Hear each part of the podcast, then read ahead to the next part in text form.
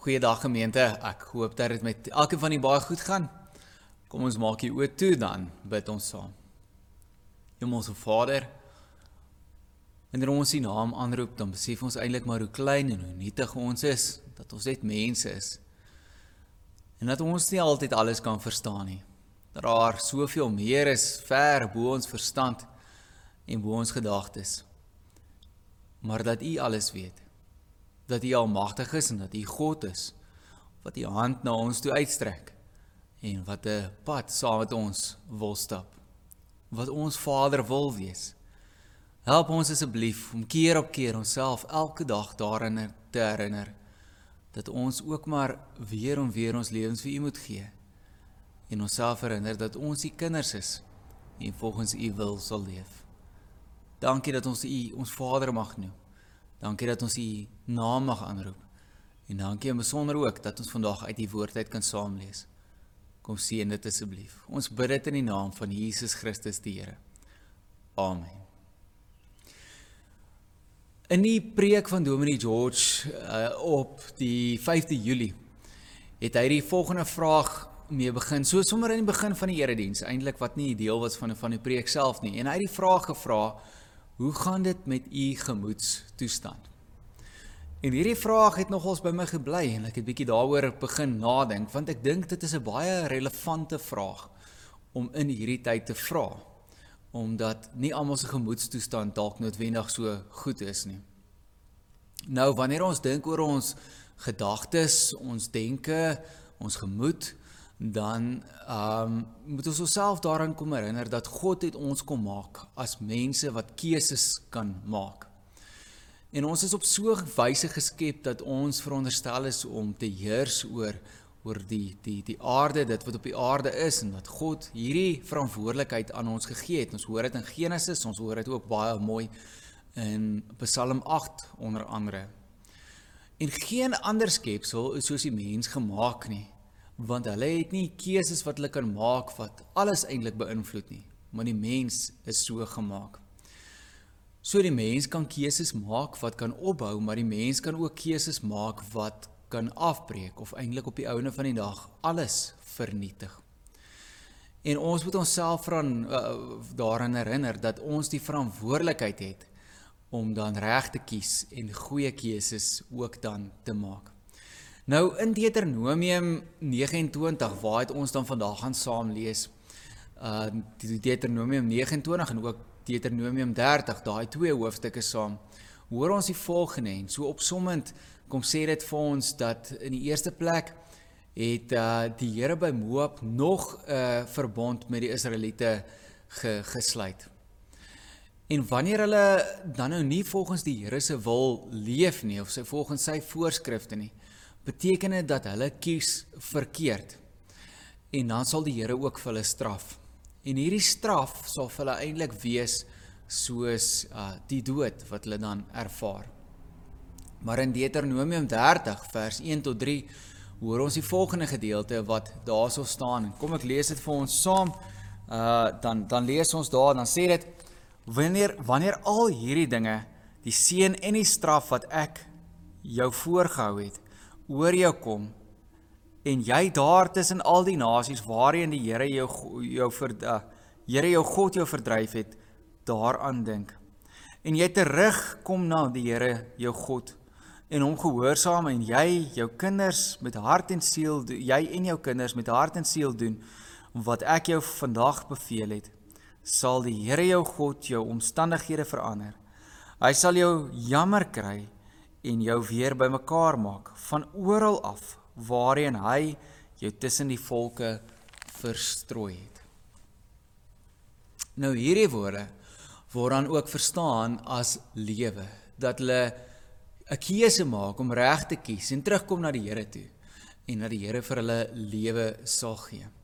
Nou die teksgedeelte wat ons eintlik dan vandag begin uitkom is so klein bietjie verder in Deuteronomium 30 en hoor wat staan daar dan in hierdie gedeelte en dit is Deuteronomium 30 vers 11 tot 20, 'n taamlike lang gedeelte, maar luister mooi wat staan daar. Daar staan: Die gebod wat ek jou vandag beveel, is nie te moeilik vir jou nie. dit is ook nie buite jou bereik nie. So dis moontlik. So luister mooi hierna. Dit sê dit is nie in die hemel nie, sodat jy nie hoef te sê wie sal vir ons opklim hemel toe om die gebod vir ons te gaan haal en dit en ons dit mee te deel sodat ons daarvolgens kan lewe nie. Dit is ook nie oor kan die see nie sodat jy nie hoef te sê wie sal vir ons oorvaar na die oorkant toe om die gebod vir ons te gaan haal en ons dit mee te deel sodat ons daarvolgens kan lewe nie. Die gebod is baie naby aan jou. Jy kan daaroor praat, jy ken dit en jy kan daarvolgens lewe. Ek het vandag die lewe en die voorspoed, die dood en die teëspoed aan jou voorgehou. As jy die Here jou God liefhet en sy wil doen, deur sy gebooie, sy voorskrifte en sy bepalinge wat ek jou vandag gegee het te gehoorsaam, sal jy lewe en baie word en sal die Here jou God jou voorspoedig maak in die land wat jy in besit gaan neem. Maar ek verkondig vandag aan julle as jy van die Here af wegdraai en hom nie gehoorsaam nie en as jy jou laat verlei om ander gode te vereer en te dien, sal julle almal omkom Julle sal nie lank bly woon in die land wat jy in besit gaan neem sodra jy die Jordaan getrek het nie. Ek roep vandag die hemel en die aarde tot getuie teen julle dat ek julle die lewe en die dood aan jou dat ek die lewe skus getuie teen julle dat ek die lewe en die dood aan jou voorgehou het die seën en die straf en hoor dan kom hierdie verskriklik mooi gedeeltjie daar by vers 19 waarby ons vandag eintlik gaan uitkom en waaroor ons gaan praat. Dan sê dit kies die lewe sodat jy en jou nageslag kan lewe om die Here jou God lief te hê, hom te gehoorsaam en hom aan te hang sal vir jou lewe gee en jou lank en hy sal jou lank laat woon in die land wat die Here met 'n eed aan jou voorvaders Abraham Isak en Jakob beloof het om aan hulle te gee. Net weer daai vers 19 wat sê kies die lewe sodat jy en jou nageslag kan lewe. Nou, ons sou baie maklik hierdie gedeelte kon verstaan binne die tydperk van COVID-19 of binne hierdie pandemie dat mense kon sê kyk nou net, mense het verkeerd gekies En kyk wat is die gevolg van al hulle verkeerde keuses? Wat gebeur nou? Die Here is besig om ons te straf. En dit is nie waarby ek vandag wil uitkom nie. Dis nie fokus van my boodskap nie. Ek sê nie dat dit nie so is nie, maar dis nie waaroor ek vandag dan eintlik wil praat nie. Die fokus is vers 19. Daardie vers wat sê ek roep vandag die hemel en die aarde tot getuie teen julle dat ek die lewe en die dood aan jou voorgehou het, die seën en die straf kies die lewe sodat jy en jou nageslag kan lewe. In Deuteronomium 29 en 30 sê die Here so deur Moses se woorde vir die Israeliete dat hulle keuses het, dat hulle kan kies en dat hulle die regte keuse moet maak. Die gevolge van hulle keuses word ook vir hulle verduidelik. Wat sal dan gebeur? As hulle reg kies, dan beteken dit vir hulle lewe en voorspoed, maar as hulle verkeerd kies, beteken dit vir hulle straf en teëspoed ook dan, wat vir hulle soos die dood sal voel. So kies jy die dood of kies jy die lewe? En die seën en die lewe sal ook vir hulle soos oorvloedige lewe dan voel. Maar die feit bly staan dat hulle moet self kies, want hierdie keuse lê op die einde van die dag by hulle self. En Moses vra baie mooi: "Kies die lewe sodat jy en jou nageslag kan lewe." Een van die wonderlikste gawes wat God vir ons gegee het as mense, is die vryheid om te kan kies, om ons eie keuses te kan maak. Maar dit is ongelukkig ook een van die gevaarlikste gawes wat God vir ons gegee het, omdat mense so dikwels verkeerd kies en op die einde van die dag, sou mens kon sê, die dood kies eintlik. Ons keuses beïnvloed dikwels baie meer as wat ons besef. Dit bepaal nie net wat nou dadelik gaan gebeur nie, maar dit bepaal ook wat in die toekoms gaan gebeur. Dit bepaal ook ons omstandighede, ons lewensomstandighede by die huis. Dit bepaal ook ons omstandighede by die werk. Dit bepaal dikwels ook wat met ons sal gebeur in die toekoms en ons ons ons toekomstige omstandighede. En dikwels bepaal dit ook ons gemoed. Want die keuses wat ons gemaak het, maak of ons met 'n goeie gemoed gaan leef of dalk nie noodwendig met so goeie gemoed nie. En daar is 'n verskriklike interessante studies gedoen oor ons keuses wat ons maak, ons gedagtes wat ons mee besig is en ook dan ons brein of sou mens kon sê ons breinpatrone wat wat in ons brein is. En daar is al baie navorsing hieroor ook gedoen en baie mense het ook verskillende dinge hieroor geskryf. Ietsie interessant wat ek in die week raak gelees het, skryf Dr. Caroline Leaf in haar boek met die naam of met die titel switch on your brain hierdie volgende punt. Sy sê soos wat ons dink is ons besig om die fisiese natuur van ons brein te verander. Soos wat ons kies om ons denke te bestuur, kan mens dan nou sê spesifiek op die goeie dinge en doelbewus aan sekere dinge te dink, kan ons giftige patrone in ons brein begin vervang met gesonde gedagtes. So ons as mense het hierdie vermoë om dit te kan doen. Ons kan die patrone in ons brein of die fisiese natuur van ons brein verander deur eenvoudig net aan gesonde dinge te dink of slegte verander deur aan giftige, slegte dinge te dink. En dit is baie interessant wanneer ons bietjie kyk na hierdie studies. Nou ons gaan nou nie heeltemal daarop fokus nie. Maar die vraag is, het ons hier te doen met twee afsonderlike dinge? En dit is in die eerste plek dat wanneer ons reg kies, glo sekere klomp mense dat uh, ons goeie keuses um in lyn met God se wil moet wees. En wanneer dit dan so in lyn met God se wil is, dan sal hy vir ons seën en sal ons die lewe in oorvloed beleef. Dit is die eerste kant daarvan.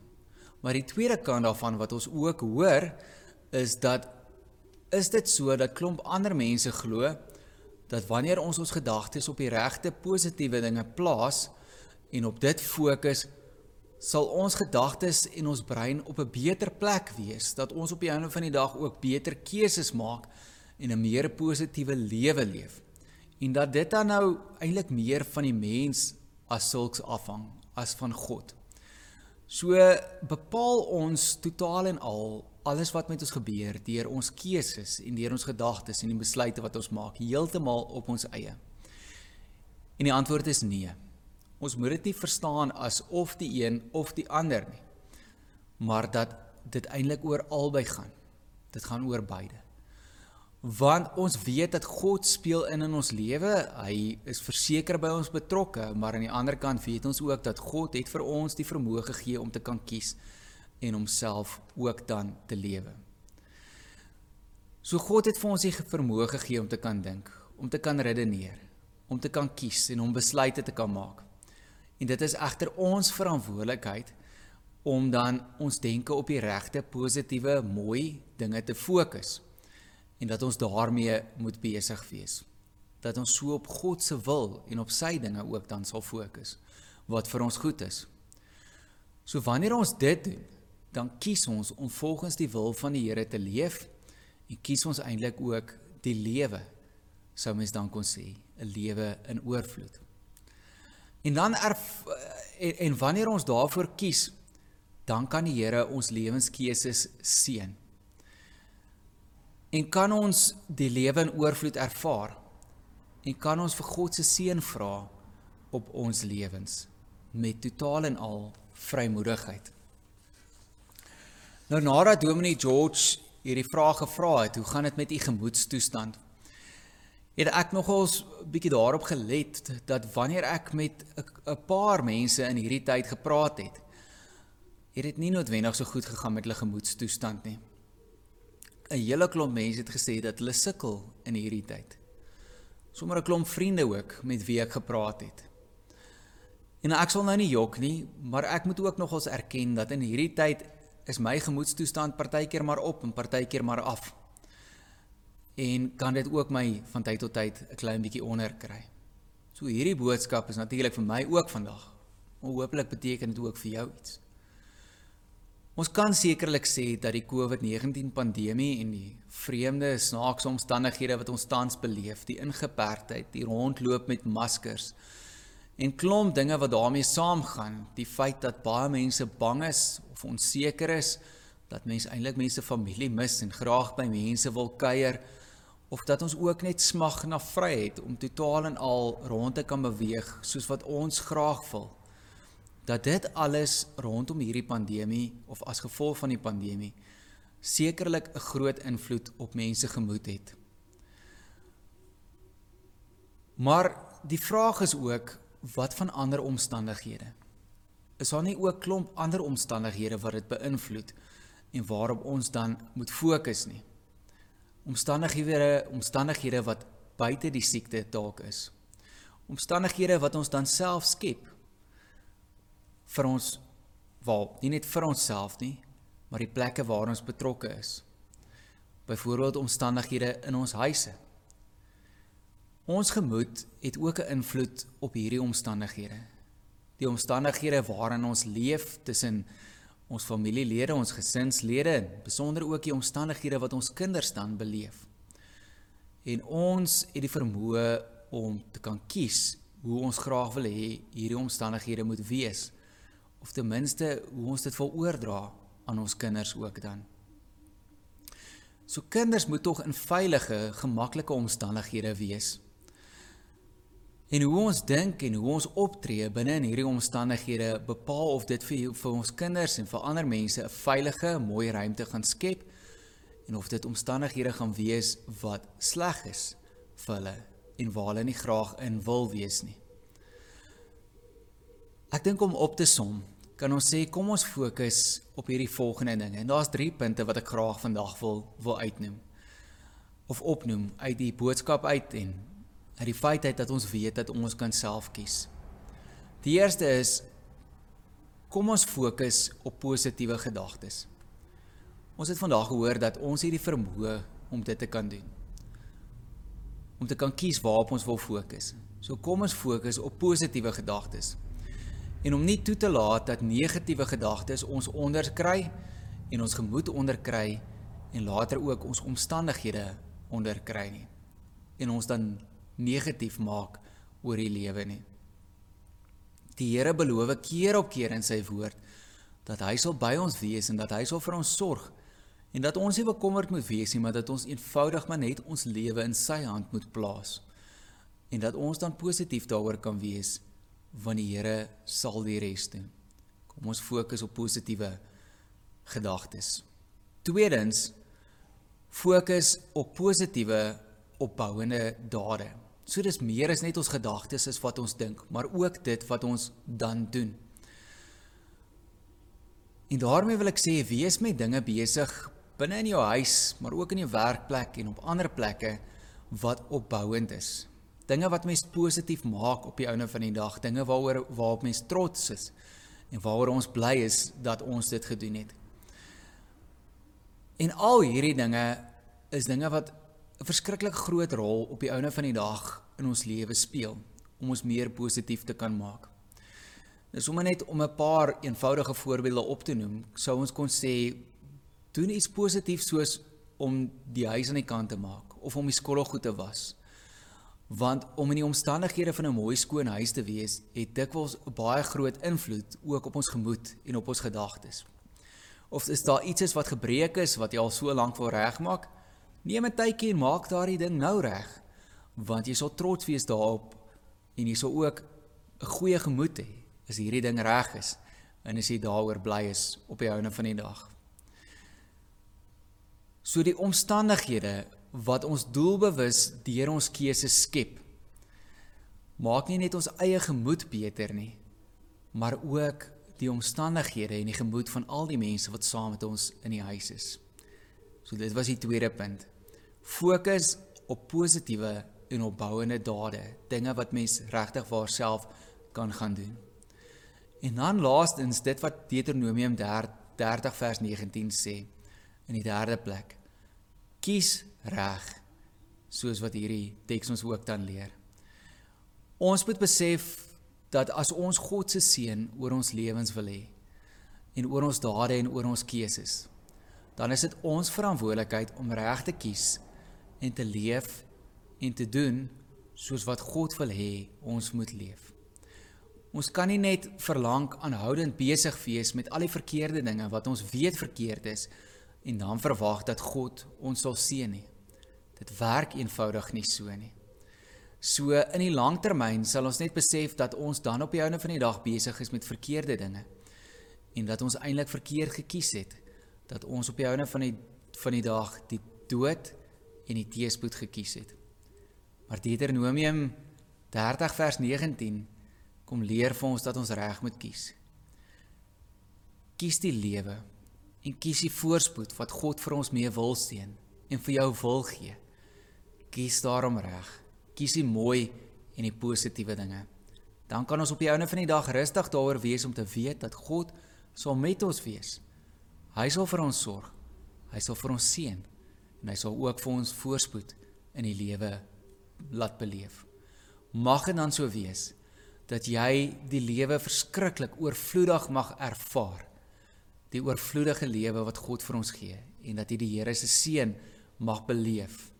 En dat ons sal weet dat 'n man en 'n vrou wat die rustigheid van God se seën beleef en die rustigheid van die lewe ook het, is 'n man en 'n vrou wie se voete vasgeanker is in 'n verhouding met God. Mag dit ook so wees vir elkeen van ons. Kom ons bid saam. Hemelse Vader, dankie dat U vir ons wonderlik gemaak het, dat U vir ons gemaak het om keuses te kan maak, om dinge te kan doen, dat U vir ons gemaak het om besig te kan wees met positiewe, konstruktiewe sake, dade in ons lewens. Dankie dat ons die vermoë het om ook 'n invloed te hê op ons omstandighede binne in ons huise en binne ons gesinne en binne die dinge waarmee ons besig is. Maar dan hoor ons vandag ook in Deuteronomium 29 en 30 dat mens met verkeerde dinge besig kan wees, dat ons verkeerd kan kies en dat ons op die einde van die dag teëspoed en dood kan kies. Help ons asseblief om opnuut weer eens te dink aan die keuses wat ons maak en ook die manier hoe ons optree. En dat ons dan met vrymoedigheid elke dag in ons lewe kan vra Here seën ons lewe en seën die keuses wat ons maak want ons het die vrymoedigheid om dit te vra omdat ons besig is met positiewe mooi opbouende dinge wat U vir ons vra en wat U van ons verwag. Help ons asseblief ook hiermee die Here Heilige Gees. Hemelse Vader, daar is maar so baie dinge in die lewe wat partykeer maak dat ons graag gou-gou met die verkeerde dinge besig wil wees of dat ons maar vinnig kwaad raak en daarmee het ons u hulp nodig om ons te help om met die bees die positiewe dinge besig te wees. Kom seën ons asseblief deur hierdie dag ook in die week wat vir ons voorlê. Mag dit vir ons 'n baie mooi en 'n wonderlike en rustige week wees. Ons bid dit in die naam van Jesus Christus die Here. Amen. Mag jy in besonder in hierdie week die Here se seën beleef en weet dat hy by jou is en mag dit vir jou 'n baie mooi week wees. Totsiens.